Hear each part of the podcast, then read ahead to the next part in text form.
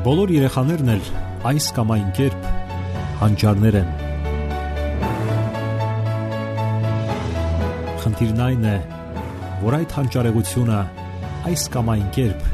ի հայտ բերվի։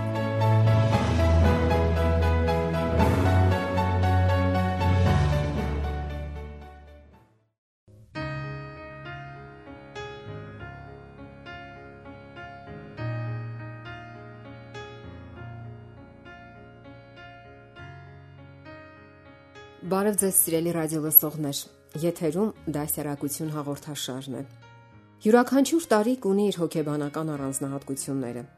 Գոյություն ունեն դասերակցության եւ երեխայի հետ վարվելու առանձնահատկություններ նաեւ երեխայի կյանքի առաջին տարում։ Պահանջմունքներ բառը մենք հաճախ ենք օգտագործում երեխայի առումով։ Առաջին բանը, որն անցնում է մեր մտքով այդ տարիքում, հետեւյալներն են՝ քուն, բարուր, կերակրել, լողացնել։ Այո, դրանք իսկապես պահանջմունքներ են, սակայն միայն ֆիզիոլոգիական եւ ֆիզիկական։ Գոյություն ունեն պահանջմունքների այլ տեսակներ եւս հոգեբանական պահանջմունքներ։ Օրինակ, եթե երեխան 2-ից 3 տարեկանում մայրիկին դուր գալու պահանջմունք ունի, ապա դա խիստ կարևոր է իր համար, եւ երեխան թանկ է գնահատում դա եւ ամեն ինչ այնպես է անում, որ դա դուր գա մայրիկին։ Իսկ եթե մայրիկը գիտի դա, ապա կարող է այդ հոգեբանական առանձնահատկության հիման վրա այնպես դասյարակել երեխային, որ նրա մոտ զարգանա կոկիկություն, պարտքի զգացում եւ պատասխանատվություն։ Եթե օրինակ մայրիկն ասի իր փոքրիկ երեխային, որ կոկիկ դասավորի խաղալիքները կամ հագուստները եւ դա դուր է գալիս իրեն, ապա երեխան պատրաստ կլինի անել հենց միայն այն պատճառով, որովհետեւ դա դուր է գալիս մայրիկին եւ աստիճանաբար դա դառնում է սովորություն, որը ուղեկցում է մարդուն նրա ողջ կյանքում։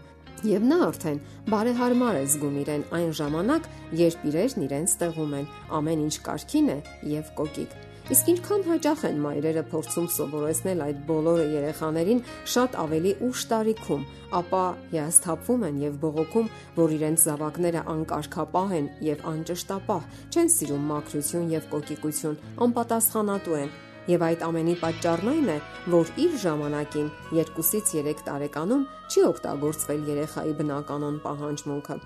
Անհրաժեշտ է, որ բոլոր ծնողները հիշեն բոլոր երեխաների ճիշտ դաստիարակության հիմնական կանոնը։ Բնավորության սովորությունները եւ գծերը ավելի հեշտ են ներարկվում պահանջմունքների արկայության դեպքում։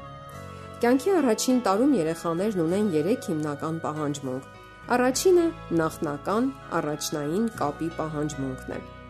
Սրանք հաստատվում են առաջին 6 ամսում։ Առաջին հերթին մոր եւ զավակի եւ երկրորդ հերթին երեխայի եւ հոր միջև։ Մոր եւ հոր հետ մշտական շփման միջոցով երեխայի հոգեբանության մեջ, այսպես ասած, կարծես յուրահատուկ արահետ է ձևավորվում, որը հսկայական նշանակություն է ունենալու նրա ապագա կյանքի եւ փոխհարաբերությունների համար։ Եթե այդ կապը չի ձևավորվել, այսինքն առաջնային կապի պահանջմունքը չի բավարարվել, ապա այդ անznավորությունը չի կարող կապել իրեն որևէ անznավորության հետ։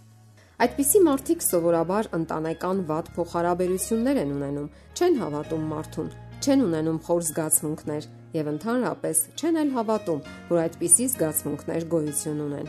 Իսկ ահա այդ պահանջմունքի բավարարումը միանգամայն հակառակ արդյունքներ է տալիս Այդպիսի մարդիկ ընտանեկան կյանքում ուժեղ կապվածություն ունեն։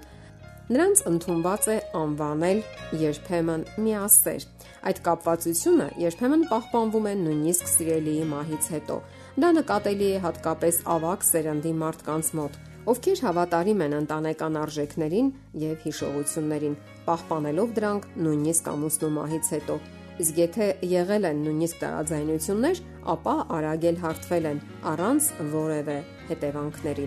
Երկրորդ պահանջմունքը նախնական առաջնային վստահության պահանջմունքն է։ Սա բավարարվում է կյանքի առաջին տարվա ողջ ընթացքում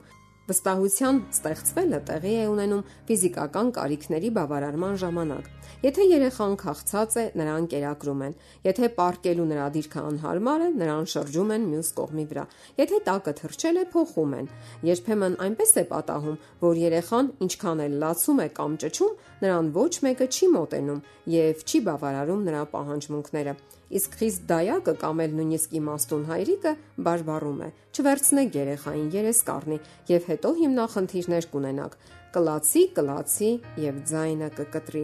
Եվ իսկապես էլ այդպես է լինում։ Նա ի վերջո սսկվում է եւ քնում։ Ահա եւ նախնական վստահության նրա պահանջը չբավարարվեց։ Իսկ ինչ սпарնալիքներով է դա հղի երեխայի հետագա կյանքի համար։ Երեխայի հոգեբանության մեջ այսպիսի հետք է մնում։ Հետագայում նա չի վստահելու մարդկանց։ Մի քիչ պարփակված է լինելու անկեղծության ցանկություն չի դրսևորելու, փակ է լինելու շրջապատի համար։ Իսկ ահա նախնական վստահությամբ օժտված մարդը բաց է զրույցների համար, շփվող անznավորություն է, վստահող է, վստահում է մարդկանց, նաև Աստծուն։ Երեխայի երրորդ պահանջմունքը նախնական առաջնային սիրո պահանջմունքն է։ Այս պահանջմունքի բավարարումը սահմաններ չի ճանաչում, քանի որ յուրաքանչյուր մայր իր կյանքում այն ապրում եւ զգում է յուրովի։ Այս յուրատեսակ բարեկամությունը եւ կապվածությունը հիմնվում է հպումների, շոյանքների, գրկախառնությունների եւ համբույրների վրա, որոնց կարիքը այնքան զգում է երեխան։ Փոքրիկ երեխաների համար այդ սերը ունի հսկայական նշանակություն երեխայի հոգեկանի բնականon զարգացման համար։ Չսիրված երեխաները կամ նրանք, ում մոտ չի բավարարվել նախնական սիրո պահանջմունքը, հետագայում կարող են ոչ բնականon վերաբերմունք դրսևորել սեռական հակումներում։ Նրանք կարող են լինել կամ անտարբեր, կամ սառը զուգընկերներ ընտանեկան կյանքում, կամ կարող են լինել գերսեքսուալ, այսինքն ունենալ չափազանցված հետաքրքրություն կյանքի այդ կողմի հանդեպ։ Այդ հետևանքները կսկսեն դրսևորվել դեռահասային եւ ավելի հասուն տարիքում։ Պատահական չէ, որ սեռական առումով այլասերվածները դուրս են գալիս սովորաբար անբարենպաստ ընտանիքներից կամ մեծացած են լինում առանց ծնողների։ Իսկ ում մոտ բավարարվել է նախնական սիրո պահանջմունքը, սովորաբար լինում են նրբանակատ եւ քնքուշ ամուսիններ, որ ցանկանում են ավելի շատ տալ, քան ստանալ։ Եվ այսպես, սիրեք փոքրիկ մարդուն Բավարարեք նրա բոլոր հիմնական պահանջմունքները եւ նա կմենծանա լիարժեք եւ հասուն անznավորություն։